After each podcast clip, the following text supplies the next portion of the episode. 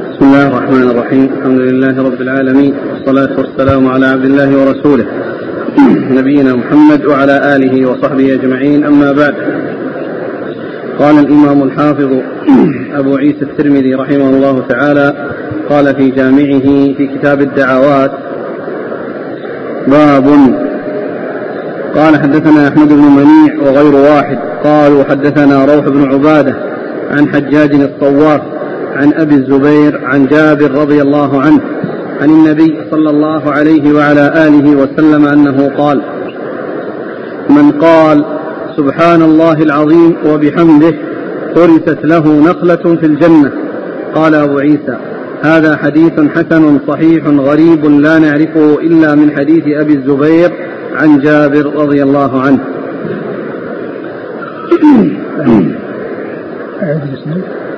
ها؟ أعد الإسناد؟ قال حدثنا أحمد بن منيع وغير واحد.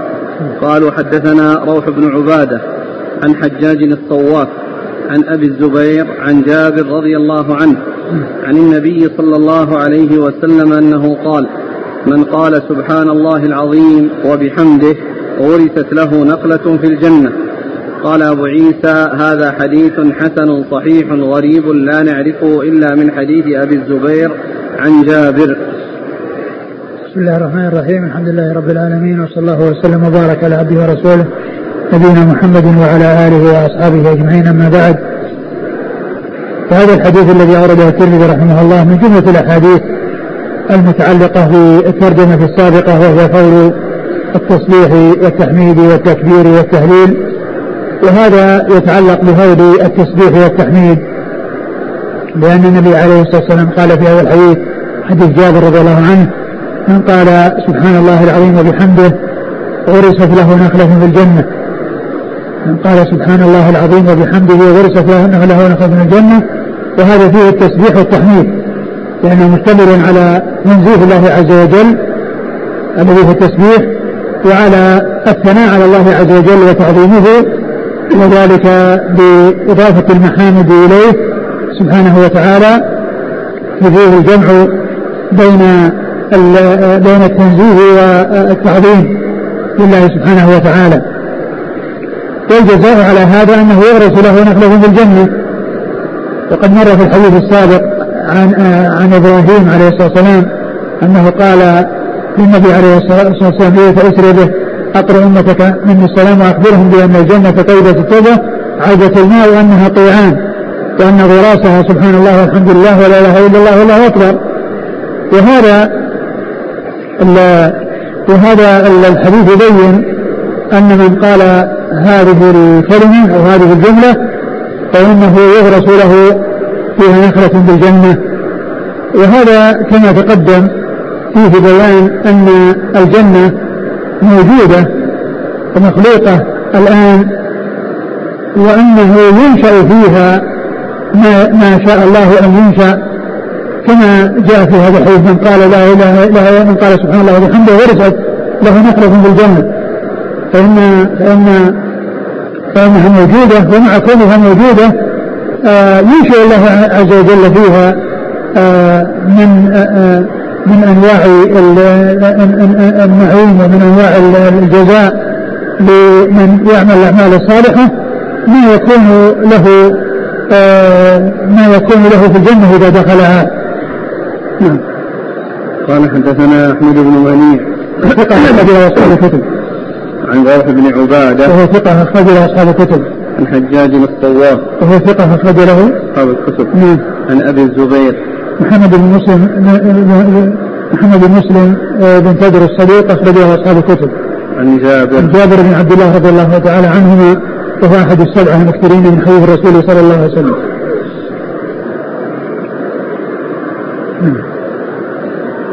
قال حدثنا محمد بن رافع قال حدثنا المؤمل عن حماد بن سلمة عن أبي الزبير عن جابر عن النبي صلى الله عليه وعلى آله وسلم أنه قال من قال سبحان الله العظيم وبحمده ورثت له نقلة في الجنة.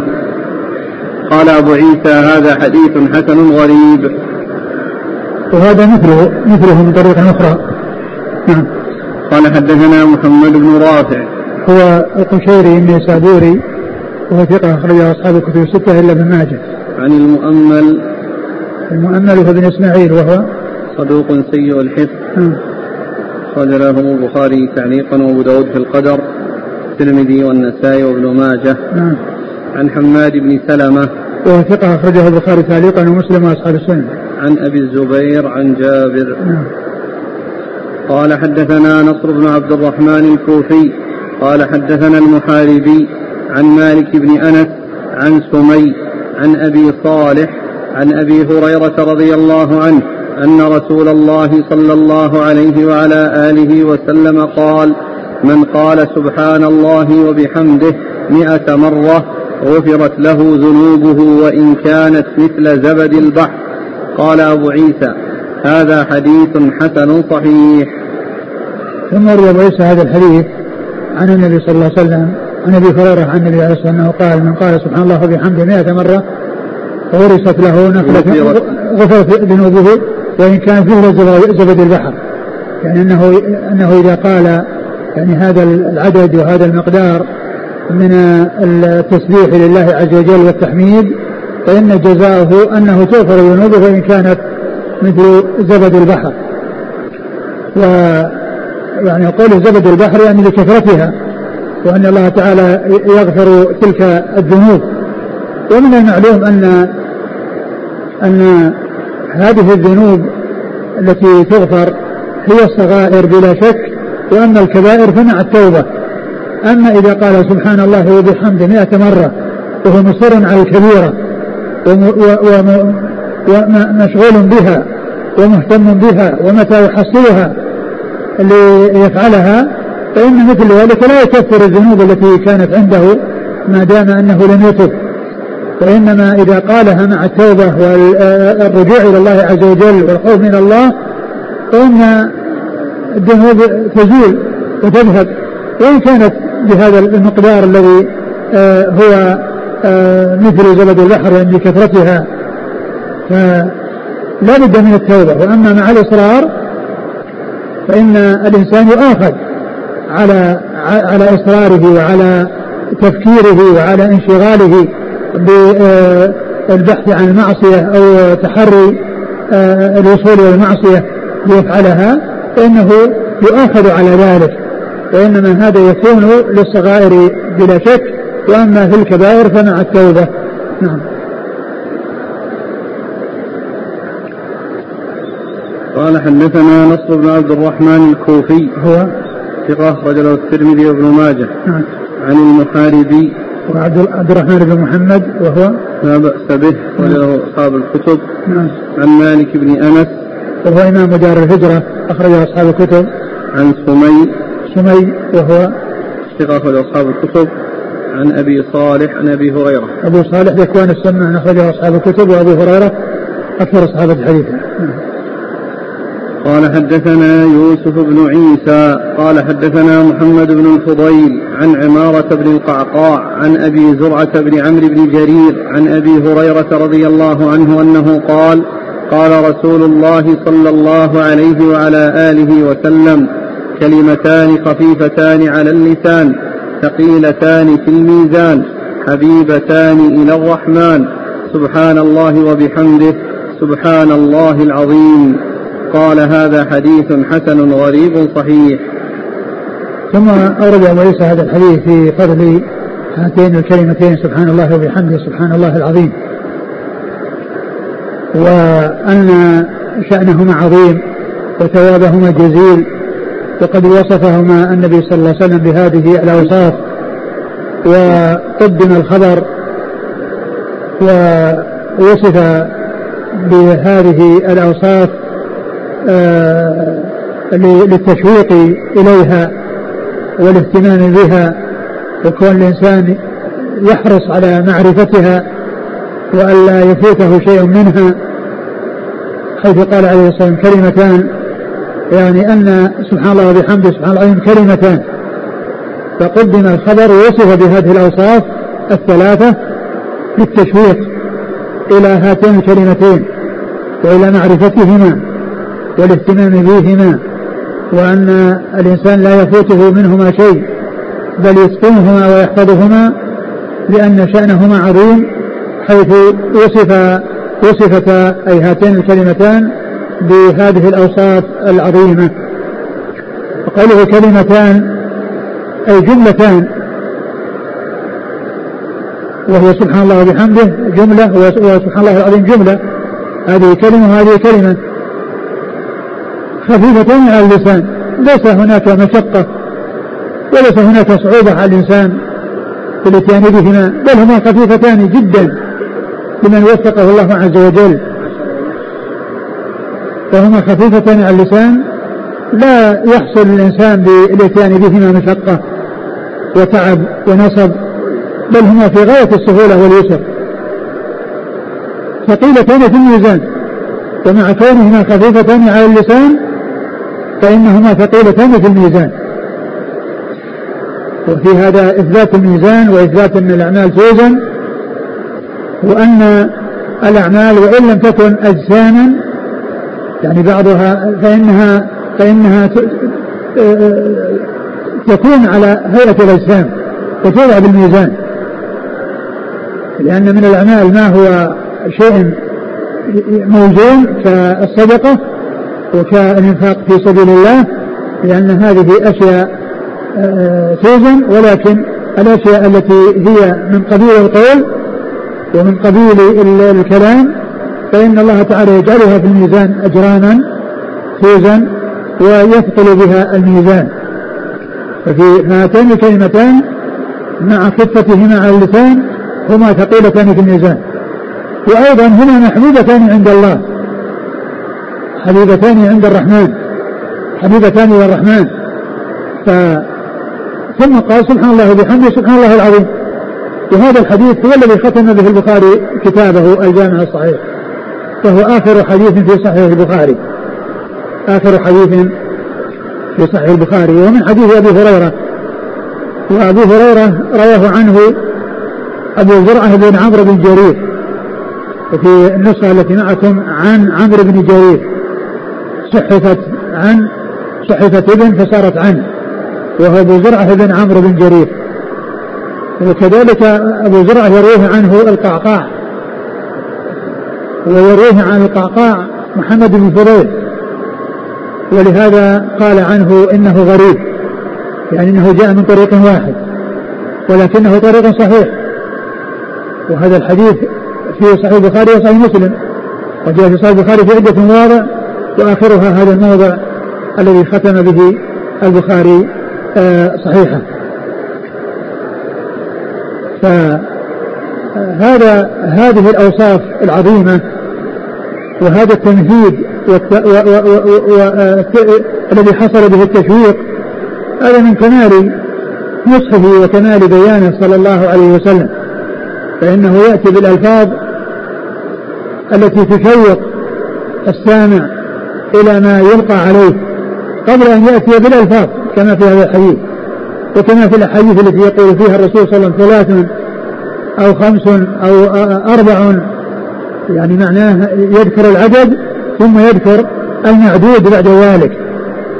ثلاث من كن فيه وجد بهن حلاوة الإيمان أن يكون الله ورسوله أحب إليه ما سواهما وهكذا فكان من أساليبه عليه الصلاة والسلام ذكر آه، آه، العدد قبل أن يأتي المعدود ووصف العدد بما يشوق إلى معرفة المعدود وإلى حفظه واستيعابه.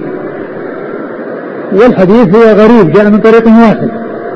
قد ختم البخاري بهذا الطريق الغريب كما أنه فتح افتتح صحيحه بحديث غريب وهو حديث من عباد النيات. فإنه رواه عنه رواه عمر بن الخطاب ورواه عمر عن عمر بن الخطاب علقمة الوقاص الليثي ورواه عن علقمة محمد إبراهيم التيمي ورواه عن محمد إبراهيم التيمي يحيى بن سعيد الأنصاري. ثم بعد ذلك كثر الآخذون عن يحيى بن سعيد. فأول حديث في صحيح البخاري حديث غريب ما جاء إلا من طريق واحد وآخر حديث في صحيح البخاري حديث غريب ما جاء إلا من طريق واحد. نعم قال حدثنا يوسف بن عيسى ثقة أخرج له. البخاري ومسلم والترمذي والنسائي عن محمد بن فضيل. وهو صديق أخرج له أصحاب الكتب. عن عمارة بن القعقاع. وهو ثقة أخرج له أصحاب الكتب. عن أبي زرعة بن عمرو بن جرير. وهو ثقة أخرج له أصحاب الكتب.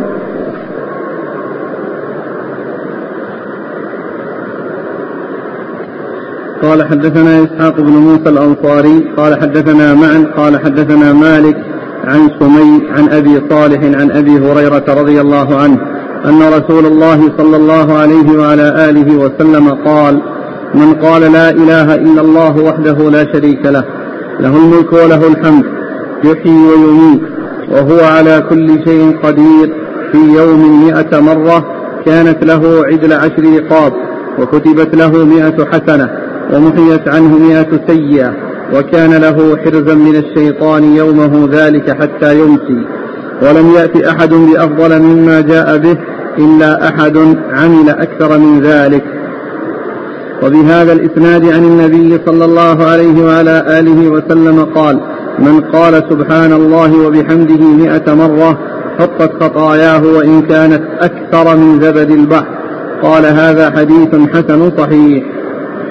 ثم روى عيسى هذا الحديث عن النبي عليه الصلاة والسلام أنه قال انه من قال أنه قال من قال لا إله إلا الله وحده لا شريك له له الملك والحمد يحيي ويميت وهو على كل شيء قدير. غفرت كانت عدل عشر رقاب. كانت عدل عشر رقاب. يعني كانت مثل من اعتق عشر رقاب. أخرجها من الرق إلى إلى إلى إلى, إلى, إلى العتق. فأحسن إليها أو أحسن إلى أهلها بأن اعتقهم فإن آه، قول هذه هذا الذكر لله عز وجل في كل يوم مئة مرة يكون بمثابة من اعتق عشر رقاب. نعم وغفرت له. كتبت له مئة حسنة. وكتبت له مئة حسنة. وحط عنه مئة خطيئة. نعم. نعم. وكانت له حرزا من الشيطان يومه ذلك حتى يمسي. وكانت حرزا له من الشيطان يعني وقاية له من الشيطان حتى يمسي. ومن قالها حين يمسي يعني حصل له مثل ذلك. حصل له مثل ذلك. يعني هذا الذي تقدم في الحديث. وهذا يدلنا على أن الأعمال الصالحة وأن هذه الكلمات اليسيرة السهلة على الإنسان ثوابها عظيم عند الله عز وجل حيث يكون بقوله لهذه الكلمات لهذه الجملة مئة مرة يكون بمثابة من أعتق عشر رقاب ورفع له يعني من الدرجة مئة حسنة وحط عنه مئة خطيئة وكانت له حرزا من النار حرزا من الشيطان يومه حتى يمسي. ففيه ثواب عاجل وثواب آجل فثواب عاجل كونه يكون حرز ووقاية في بقية يومه. وكذلك أيضا في الحاضر والعاجل في الحاضر في العاجل والآجل أنها تغفر ذنوبه ويحصل الحسنات العظيمة في ذلك ويكون له ثواب من أعتق عشر رقاب في اعتقها لله عز وجل. نعم. ولم يأت أحد بأفضل مما جاء به إلا أحد عمل أكثر من ذلك. نعم ولم يأتي أحد بمثل عمله إلا بمثل ما بمثل ما جاء به إلا عمل إلا إلا إلا أحد عمل أكثر من ذلك. يعني من أتى بأكثر من ذلك فإنه يؤجر ويحصل الأجر على ذلك آه، في الدنيا وفي الآخرة. نعم. قال حدثنا إسحاق بن موسى الأنصاري. هو ثقة أخرج له مسلم. والترمذي والنسائي بن ماجه المعنى معنى بن عيسى ثقة أخرجه أصحاب الكتب. عن مالك عن سمي عن أبي صالح عن أبي هريرة. نعم وقد وقد تقدم ذكره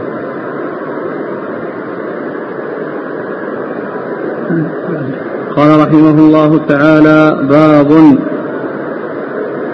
قال حدثنا محمد بن عبد الملك بن أبي الشوارب. قال حدثنا عبد العزيز بن المختار عن سهيل بن أبي صالح عن سمي عن أبي صالح عن أبي هريرة رضي الله عنه عن النبي صلى الله عليه وعلى آله وسلم أنه قال من قال حين يصبح وحين يمسي سبحان الله وبحمده مئة مرة لم يأت أحد يوم القيامة بأفضل مما جاء به إلا أحد قال مثل ما قال وزاد عليه قال أبو عيسى هذا حديث حسن صحيح غريب. وهذا الحديث أيضا مثل ما تقدم. من قال في يوم من قال من قال حين يصبح وحين يمسي. من قال حين يصبح وحين يمسي سبحان الله. سبحان الله بحمده مئة مرة. لم يأتي أحد من يوم قال من قال حين يصبح وحين يمسي. سبحان الله وبحمده مئة مرة. لم يأتي أحد يوم القيامة بأفضل مما جاء به إلا أحد قال مثل ما قال وزاد عليه. من قال حين يصبح وحين يمسي سبحان الله وبحمده مئة مرة آه لم يأتي أحد لم يأتي أحد يوم القيامة, يوم القيامة بأفضل بأفضل منه إلا أحد. قال مثل ما قال قال وزاد مثل ما عليه. قال أو زاد عليه. هذا مثل ما تقدم. يعني من أتى بهذا الذكر في في يوم في اليوم وفي الليلة وقاله حين يصبح وحين يمسي وسواء قال ذلك مجتمعا متواليا أو كان متفرقا ولكن الأولى أن يكون آه، مجتمعا في أول النهار ومجتمعا في أول المساء فإنه يكون له هذا الأجر يوم القيامة. ولا يأتي أحد بأفضل منه إلا أحد أتى بأكثر مما أتى به. يعني أنه آه أن هذا جاء بهذه الحسنات فمن جاء بأكثر من ذلك فإنه يكون أكثر منه أجرا وأكثر منه ثوابا عند الله سبحانه وتعالى. نعم. قال حدثنا محمد بن عبد الملك بن أبي الشوارب هو؟ صدوق رواه مسلم والترمذي والنسائي وابن ماجه. نعم. عن عبد العزيز بن المختار وهو ثقة أخرج له. أصحاب الكتب. نعم. عن سهيل بن أبي صالح وهو صديق أخرج له أصحاب الكتب وروايته في البخاري مقرون عن سمي عن أبي صالح عن أبي هريرة. نعم. قال حدثنا إسماعيل بن موسى الكوفي. قال حدثنا داود بن الزبرقان. عن مطر الوراق عن نافع عن ابن عمر رضي الله عنهما قال قال رسول الله صلى الله عليه وعلى آله وسلم ذات يوم لأصحابه. قولوا سبحان الله وبحمده مائة مرة. من قالها مرة كتبت له عشرا ومن قالها عشرا كتبت له مئة ومن قالها مئة كتبت له ألفا ومن زاد زاده الله ومن استغفر غفر الله له. قال أبو عيسى هذا حديث حسن غريب. ثم ورد عيسى هذا الحديث وفيه أن من قال سبحان الله وبحمد قال قولوا قولوا قولوا. سبحان الله وبحمده مئة مرة. قولوا سبحان الله وبحمده مئة مرة. فإنه من قالها؟ من قال من قالها مرة كتبت له من قالها عشرة. مرة كتبت له عشرة. ومن قالها عشرا كتبت له مئة. ومن قالها مئة كتبت له ألفا يعني أن الحسنة بعشر أمثالها الحسنة بعشر أمثالها. وال والأحاديث كثيرة. والآيات كذلك. جاءت نصوص الكتاب والسنة على أن الحسنة بعشر أمثالها وأن كلما أتى الإنسان بالذكر لله عز وجل فإنه فإن الحسنة بعشر أمثالها والحديث في إسناده آه، ضعف آه، من جهة بعض رواته ولكن آه، كون الإنسان إذا أكثر من التسبيح والتحميد وذكر الله عز وجل أن الحسنة بعشر أمثالها جاءت بذلك الأحاديث الكثيرة. آه، آه، الصحيحة الثابتة عن رسول الله عليه الصلاة والسلام. وأما الإسناد فإن آه، فإنه ضعيف. نعم. قال حدثنا إسماعيل بن موسى الكوفي. هو؟ صدوق يخطئ نعم. أخرج له البخاري في خلق أفعال العباد وأبو داود والترمذي وابن ماجه. نعم. عن داود بن الزبرقان. وهو؟ متروك أخرجه الترمذي وابن ماجه. نعم. عن مطر الوراق. وهو؟ صدوق كثير الخطأ أخرجه البخاري تعليقا ومسلم وأصحاب السنن. عن نافع عن ابن عمر. نافع مولى بن عمر ثقة أخرجه أصحاب الكتب. وابن عمر رضي الله عنه أحد العبادلة وأحد المكثرين من حديث الرسول صلى الله عليه وسلم. وفي إسناده متروك وفيه من هو كثير الخطأ. داود بن زبرقان ومطر الوراق. نعم.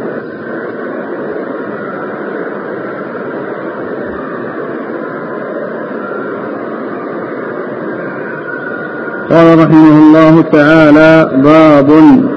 قال حدثنا محمد بن وزير الواسطي. قال حدثنا أبو سفيان الحميري. هو سعيد بن يحيى الواسطي. عن الضحاك بن حمرة. عن عمرو بن شعيب.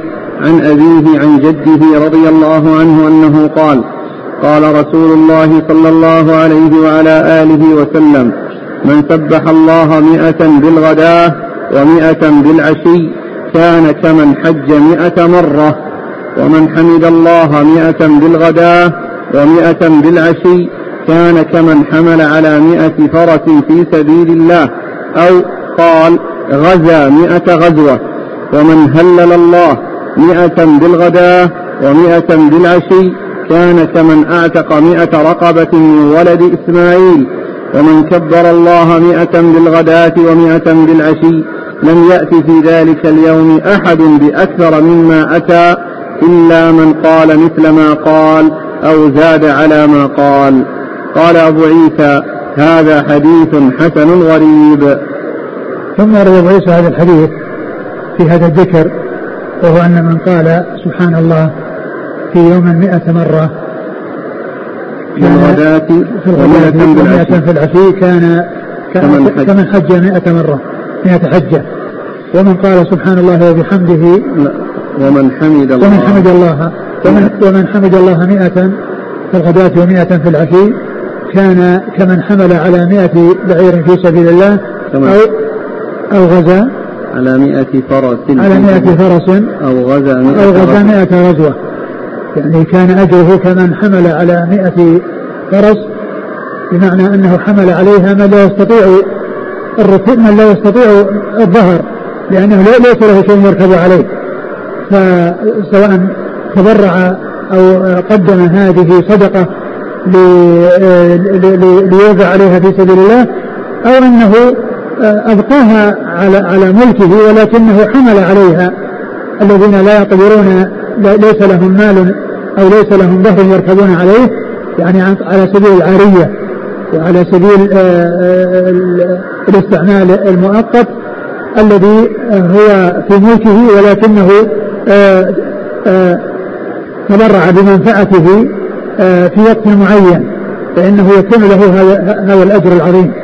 ومن ومن هلل الله مئة بالغداة ومئة بالعشي كان كمن أعتق مئة رقبة من ولد إسماعيل. ومن هلل الله قال لا إله إلا الله مئة في الغداة ومرة, مرة ومئة في العشي كان كان كمن أعتق مئة رقبة من ولد إسماعيل.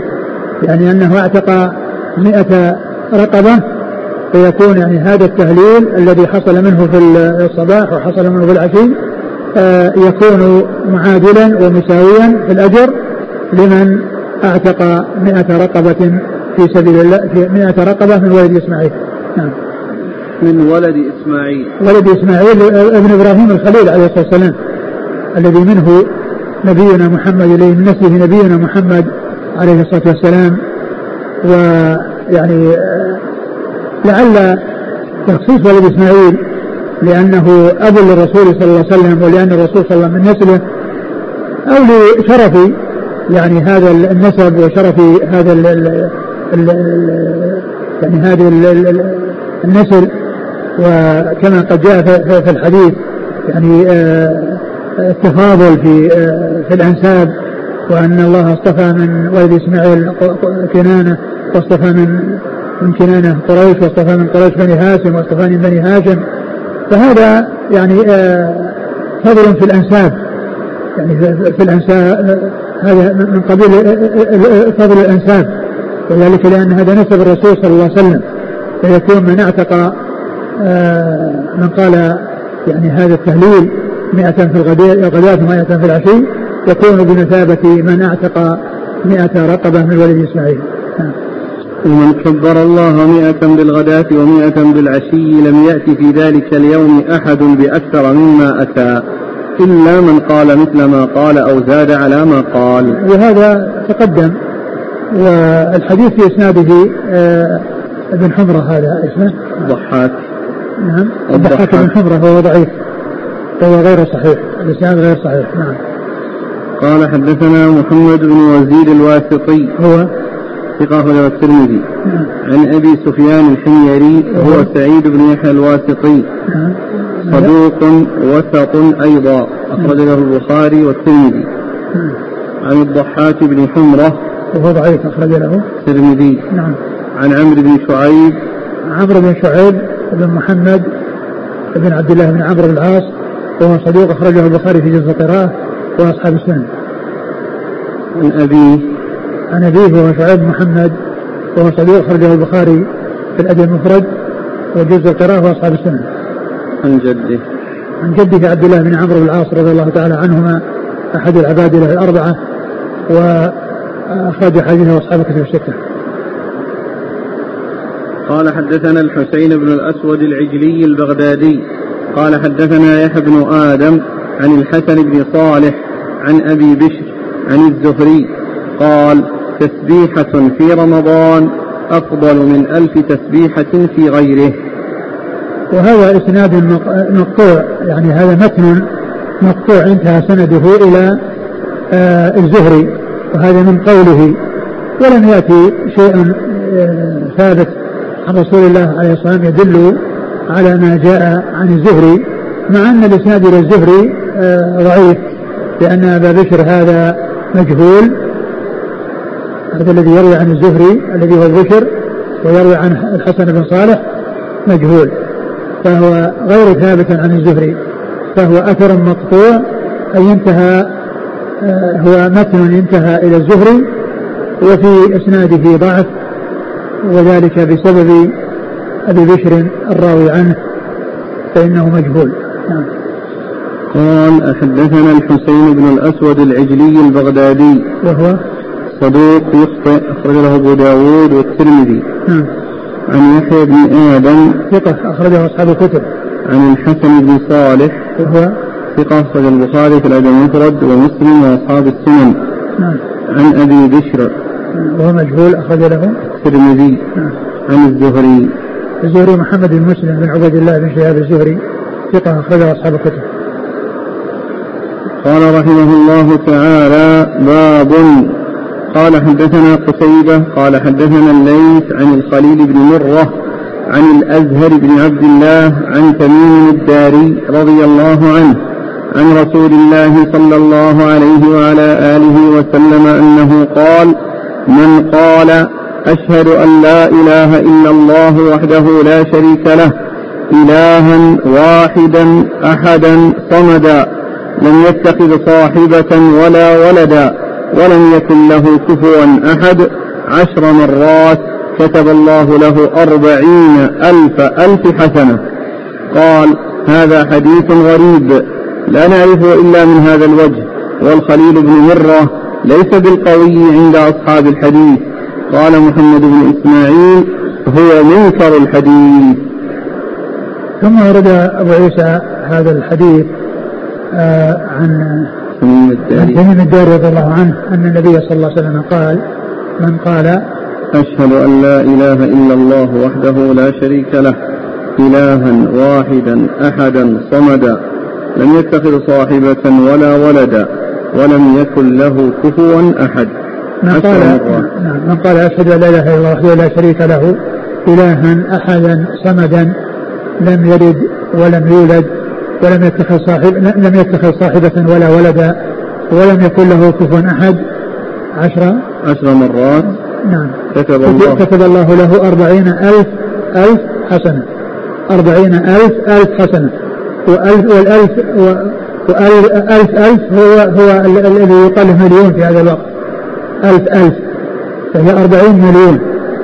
يعني إذا قال هذه الكلمات آه، فإنه يكتب له أجر حسنات بهذا المقدار.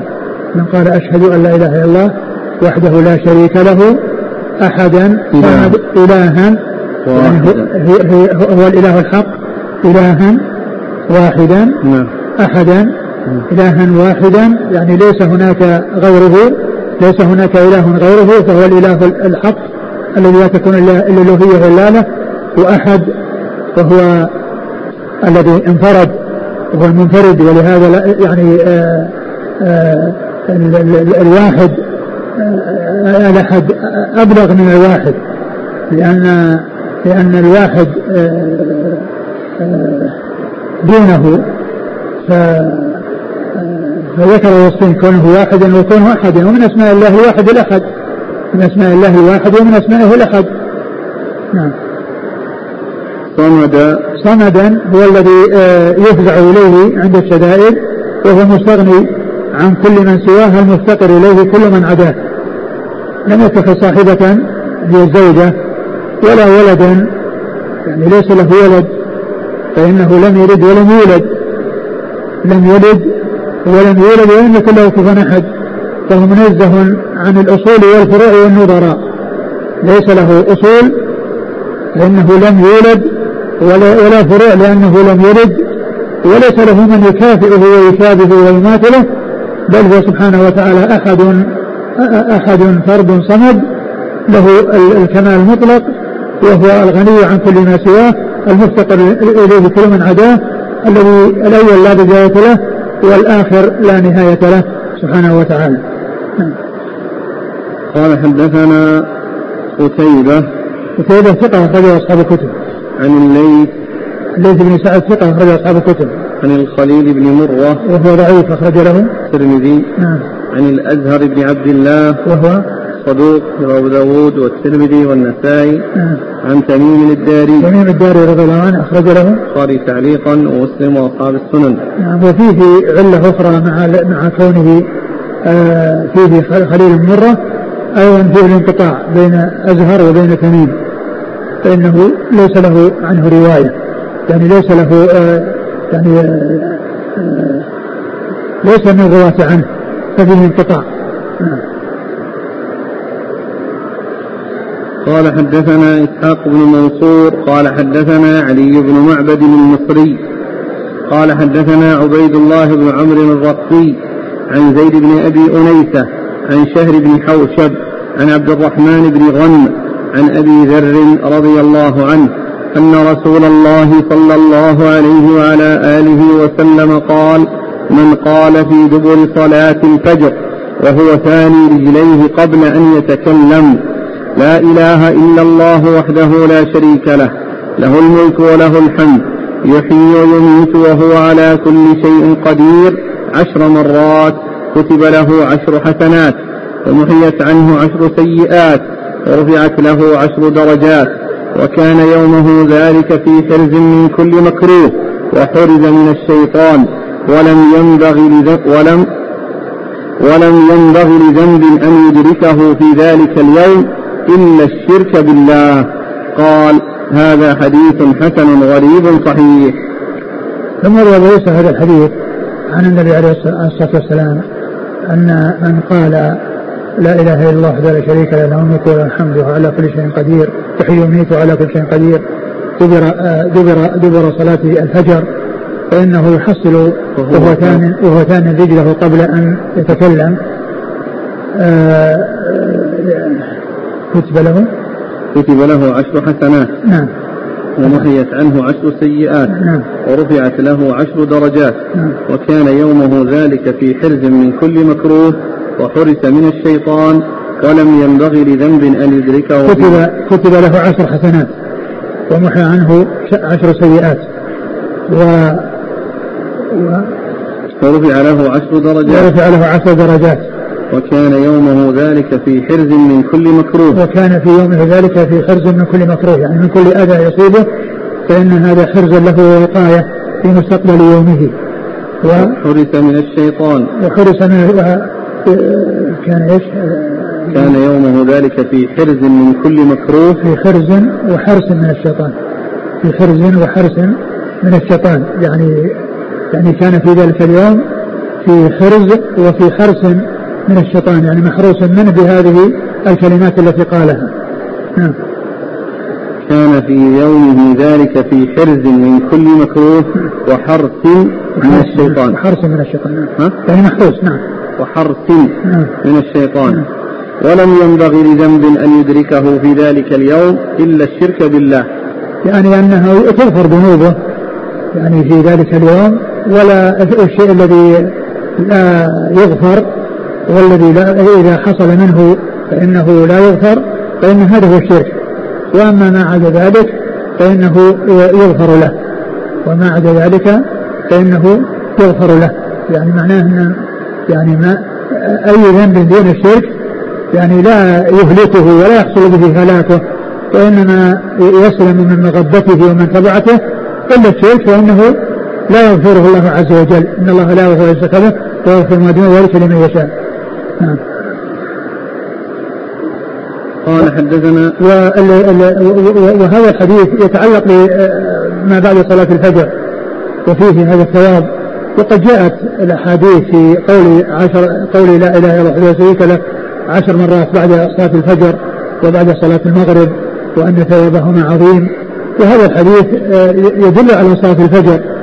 ولكن في إسناده شهر بن حوشب ويعني فيه ضعف. ولكن آه، قول لا إله إلا الله ولا شريك له له الملك وله الحمد يحيي على كل شيء قدير. بعد صلاة الفجر وبعد صلاة المغرب جاء عن رسول الله عليه الصلاة والسلام في أحاديث أخرى. نعم. قال حدثنا إسحاق بن منصور. وهذا الدبر المقصود به بعد الصلاة. دبر الصلاة يعني بعد بعد الفراغ منها. لأن الدبر يذكر يطلق على آخر الشيء وهو ما قبل السلام آخر الصلاة وما قبلها ما قبل السلام وما بعد السلام فإن كل ذلك دبر. إلا أنه هنا هو بعد الصلاة. بعد السلام. ولهذا فالدبر يطلق على آخر الشيء وعلى ما يلي آخر الشيء. على آخر الشيء وعلى ما يلي آخره. وهو بالنسبة للصلاة يطلق على ما قبل السلام اللي هو آخر الصلاة. ويطلق على ما يلي آخره اللي هو بعد السلام اللي هو بعد الصلاة.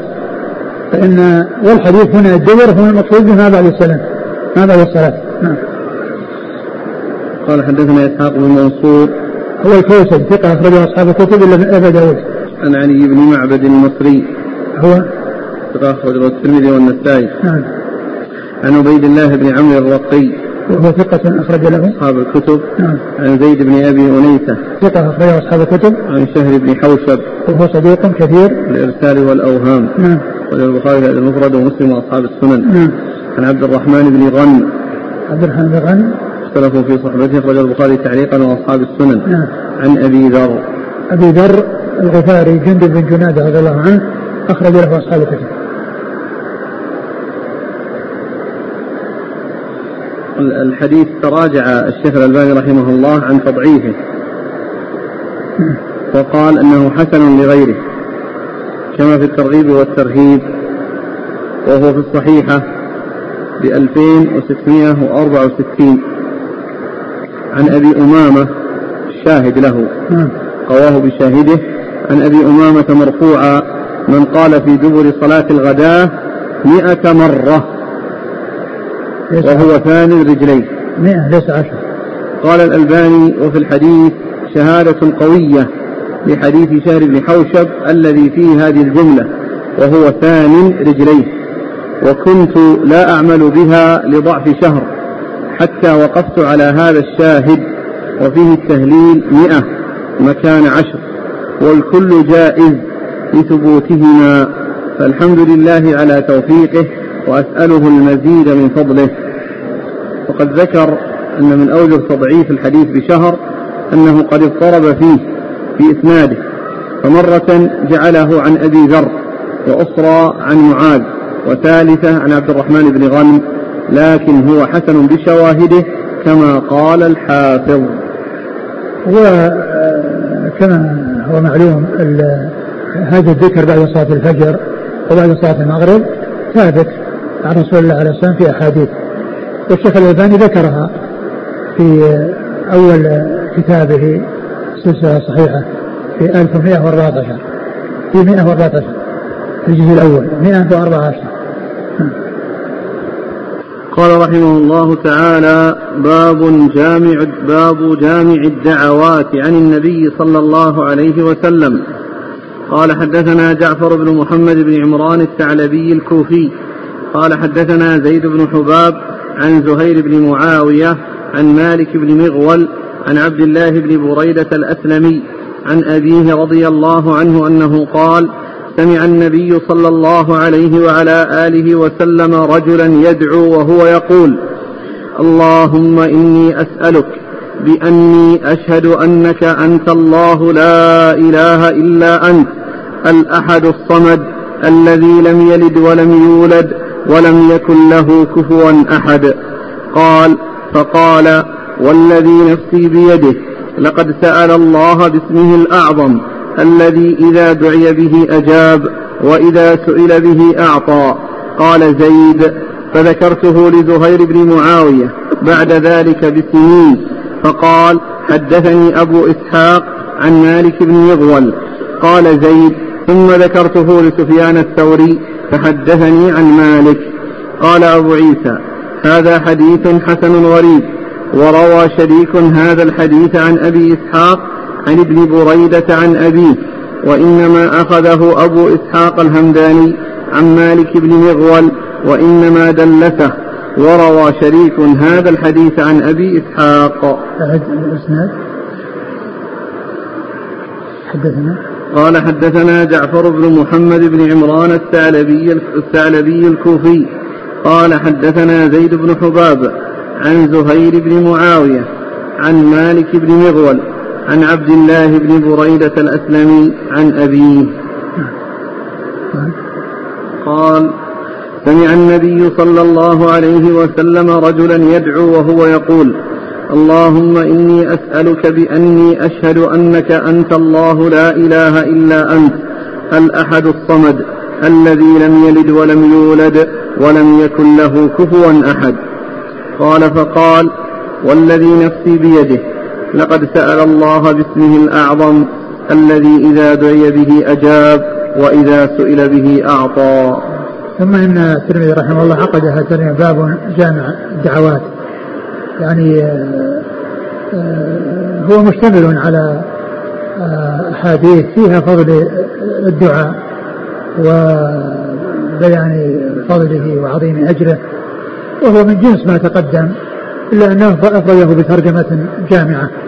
وأورد فيه هذا الحديث أن النبي عليه الصلاة والسلام سمع رجلا يدعو ويقول اللهم اللهم إني أسألك بأني أشهد أنك أنت الله لا إله إلا أنت الأحد الصمد الذي لم يلد ولم يولد ولم يكن له كفوا أحد. فقال لقد سأل باسمه بسم الله الأعظم الذي إذا سئل به أعطى الذي إذا سئل به أعطى وإذا دعي به أجاب.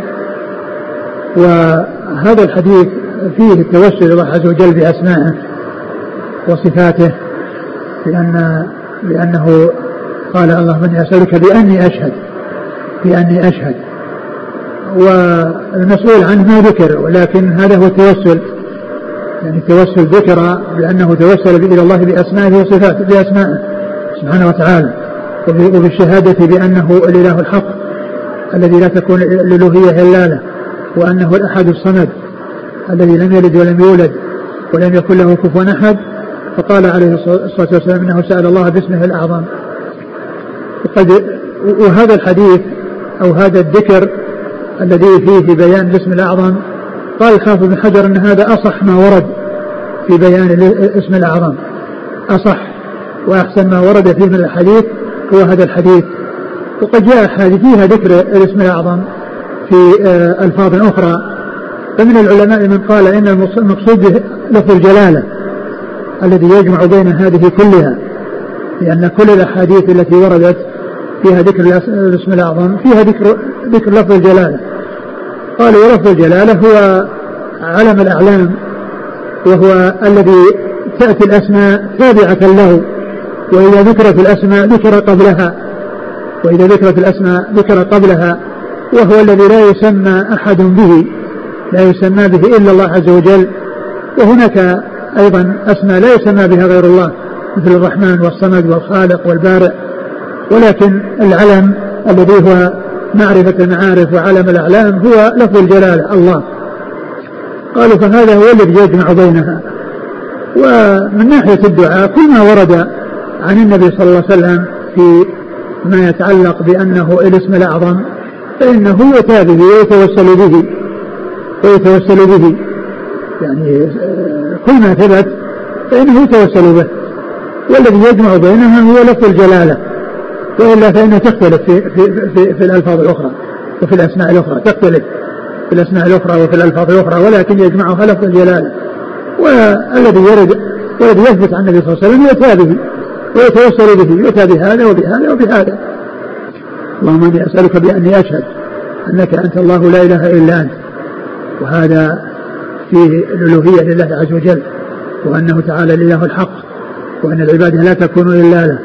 ثم ذكر أسمائه بكونه أحدا صمدا لم يلد ولم يولد ولم يكن له كفوا أحد مستغنى عن الأصول والفروع والنظراء لأن له الكمال المطلق سبحانه وتعالى المفتقر إليه كل من سواه الغني عن كل من عداه سبحانه وتعالى.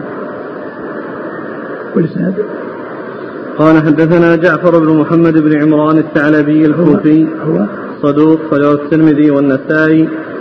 عن زيد بن حباب. وهو صدوق أخرج له. خارج القراءة ومسلم وأصحاب السنن. نعم.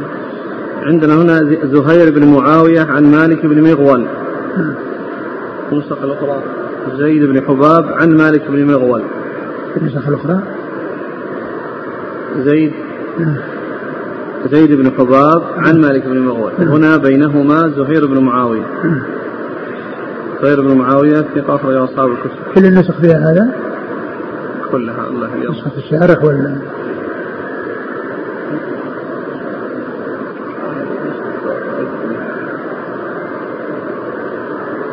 نسخة الشيخ الألباني النسخة الطبعة القديمة من نسخة الشارح وش قال؟ هذه في نسخة الشارح وش قال في الترمذي بعده؟ بعد ذلك؟ بعد الحديث. قال؟ زيد فذكرته لزهير بن معاوية. هنا جاء. نعم. فذكرته لزهير بن معاوية بعد ذلك بسنين. نعم. فقال حدثني أبو إسحاق عن مالك بن مغول. قال زيد ثم ذكرته لسفيان الثوري فحدثني عن مالك. قال أبو عيسى وروى شريك هذا الحديث عن أبي إسحاق عن ابن بريدة عن أبيه. وإنما أخذه أبو إسحاق الهمداني عن مالك بن مغول وإنما دلسه وروى شريك هذا الحديث عن أبي إسحاق. كأنه يعني ليس في زهير في الإسناد لأنه قوله قال قلت لزهير بعد ذلك فقال حدثني كذا نعم.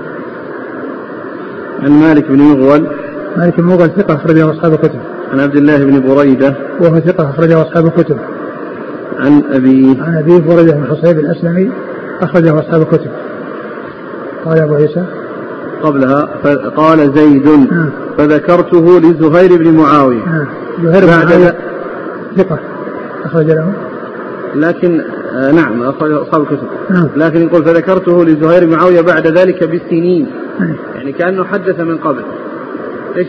فذكرته لزهير بن معاوية بعد ذلك بسنين فقال حدثني أبو إسحاق عن مالك بن مغول ما يعني ليس بلازم أن يكون حدث وإنما يقول أنه ذكر هذا الشيء الذي سمعه من من غير طريقه فبعد سنين من كونه رواه. ويحتمل أن يكون أنه يعني أنه يعني رواه عنه ثم بعد ذلك عاده عليه. لكنه ليس ب ليس بلازم أن يكون أنه حدثه به من قبل. نعم. ذكرته لزهير بن معاوية بعد ذلك بالسنين فقال حدثني أبو إسحاق عن مالك بن مغول. نعم. أبو إسحاق هو السبيعي عمرو بن عبد الله الهمداني ثقة أخرجه أصحاب الكتب قال زيد ثم ذكرته لسفيان الثوري فحدثني عن مالك. سفيان الثوري سفيان بن سعيد مسروق الثوري ثقة أخرج أصحاب الكتب. عن مالك إمام دار الهجرة. نعم. وروى شريك هذا الحديث عن أبي إسحاق. شريك هو النخعي الكوفي وهو صدوق آه، كثير الخطأ وحديث خير البخاري تعليقا ومسلم واصحاب السنة. عن أبي إسحاق عن ابن بريدة عن أبيه. نعم. وإنما أخذه أبو إسحاق الهمداني عن مالك بن مغول. نعم. وإنما دلته وروى شريك هذا الحديث عن أبي إسحاق. يعني دلسه لكونه رواه عن عبد الله بن بريدة فحذف الواسطة. نعم.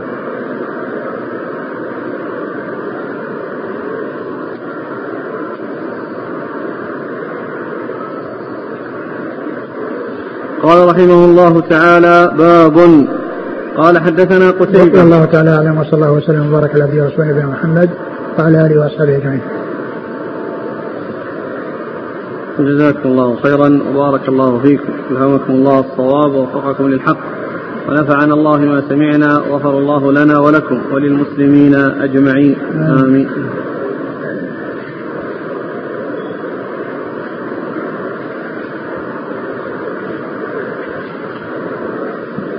هذه فائدة أرسلها الأخ يقول أبو زرعة في الكتب عندنا أربعة. أبو زرعة بن عمرو بن جرير تابعي وأبو زرعة الدمشقي ثم أبو زرعة الرازي ثم أبو زرعة العراقي وهو متأخر.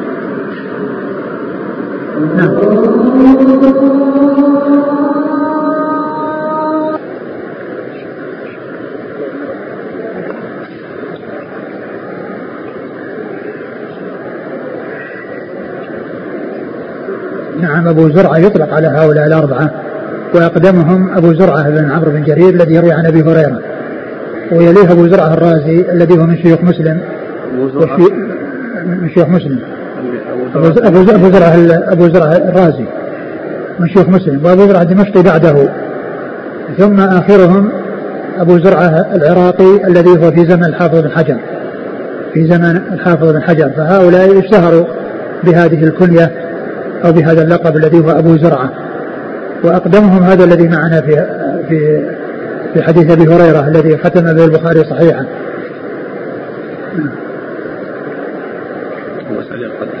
نعم.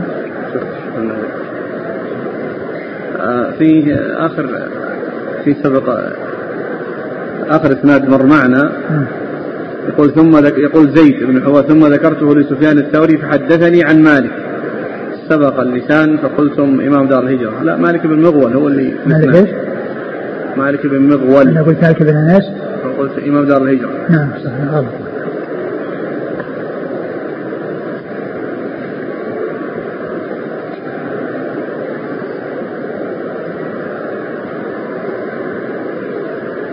يقول الأخ ذكر بعض أهل العلم أن البخاري افتتح صحيحه بحديث غريب واختتمه بحديث غريب إشارة إلى أن هذا الدين بدأ غريبا وسيعود غريبا كما بدأ.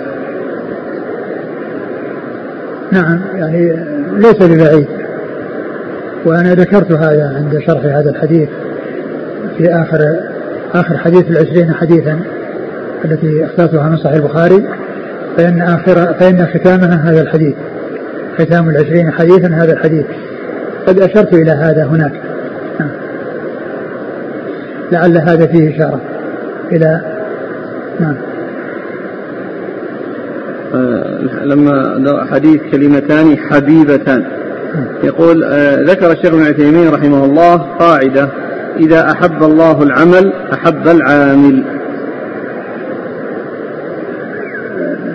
لا شك آه، حتى من مما عليه أهل السنة والجماعة ان أن الإنسان يحب الله ويحب ما يحبه الله ويحب من يحبه الله. ما يحبه الله الذي هو العمل. وما ومن يحبه الله هو العامل. هذه بالعكس إذا أحب الله العمل أحب العامل. الله أحب الكلمتين. كلمتان حبيبتان إلى الرحمن نعم. إذا الله يحب العامل. نعم يعني من من أتى أقول من أتى بهذا العمل لا شك أنه محبوب لله عز وجل يعني آه، بهذا الفعل الذي فعل. طيب. يعني من آه، يعني ما يحبه الله ومن يحبه الله. والإنسان يحب من ما يحبه الله من الأقوال والأعمال ويحب من يحبه الله من من من الذوات. يعني كالملائكة وكالأنبياء والصالحين من عباد الله. نعم. وهذا يذكر فائدة عن الشيخ ابن رحمه الله. قال إن كل ما يتعلق بدبر الصلاة ذكرا فهو بعد السلام. واستدل بقوله تعالى فإذا قضيتم الصلاة فاذكروا الله قياما وقعودا. وإن كان دعاء فهو قبل السلام. لحديث ابن مسعود اللهم إني أعوذ بك من عذاب القبر وعذاب النار ومن فتنة المحيا والممات ومن فتنة المسيح الدجال. نعم هذا هو الغالب. وإلا فإن فإن الدعاء آه الذي ورد بعد الصلوات الذي ذكر الدبر يعني يمكن يأتى به قبل ويمكن يأتى به بعد لكن الغالب على الأذكار أنها قبل السلام على الدعاء أنه قبل السلام والذكر إنما هو بعد السلام وأيضا كذلك يدعى بعد السلام ليس هناك شيء يمنع من الدعاء بعد السلام فإنه آه، يعني آه، ثابت وليس هناك دليل يمنع منه لكن لا ترفع الأيدي كما سبق أن مر بنا ذكرت فيما مضى أن رفع اليدين يكون آه، فيما ورد وفي الذي لم يرد مثل أدبار الصلوات وفي الخطبة فإنه يدعى بعد السلام يعني بعد الأذكار ولكن لا ترفع الأيدي عند الدعاء. نعم. فائدة حول ما ثبت من الدعاء عند رؤية الهلال في الضعيفة المجلد الثامن.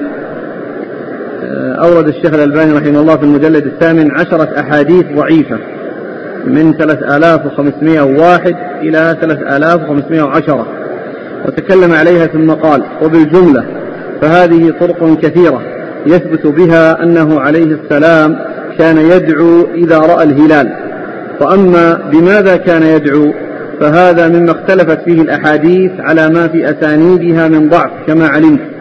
والذي تطمئن إليه النفس وينشرح إليه الصدر ثبوت الدعاء عليه السلام ثبوت الدعاء عليه السلام أو ثبوت دعائه عليه السلام اللهم أهله علينا باليمن والإيمان والسلامة والإسلام. ربي وربك الله هلال خير ورشد. لورود ذلك في عدة طرق. وأما بقية الأدعية فشاذة منكرة. لم يأت ما يدعمها ويأخذ بعض ويأخذ بعضدها فالأولى الاكتفاء بهذا القدر من الدعاء. والله سبحانه وتعالى أعلم آه